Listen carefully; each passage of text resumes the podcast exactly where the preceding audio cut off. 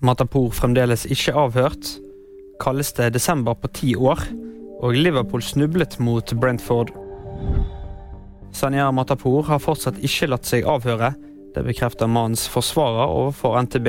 Over et halvt år er gått siden terrorskytingen i Oslo sentrum natt til 25.6 i fjor. 43-åringen er en av totalt fire personer som er siktet i forbindelse med hendelsen. Matapour soner nå i Halden fengsel, ifølge hans forsvarer.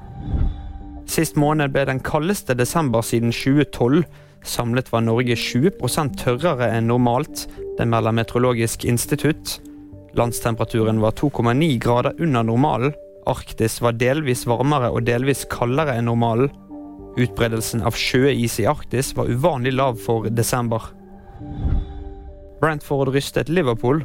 Ingen god start på det nye året for Jørgen Klopps menn, som tapte 1-3 for Brentford mandag kveld. Det er krise i Liverpool, sa Viaplays kommentator Eivind Bisgaard Sunde.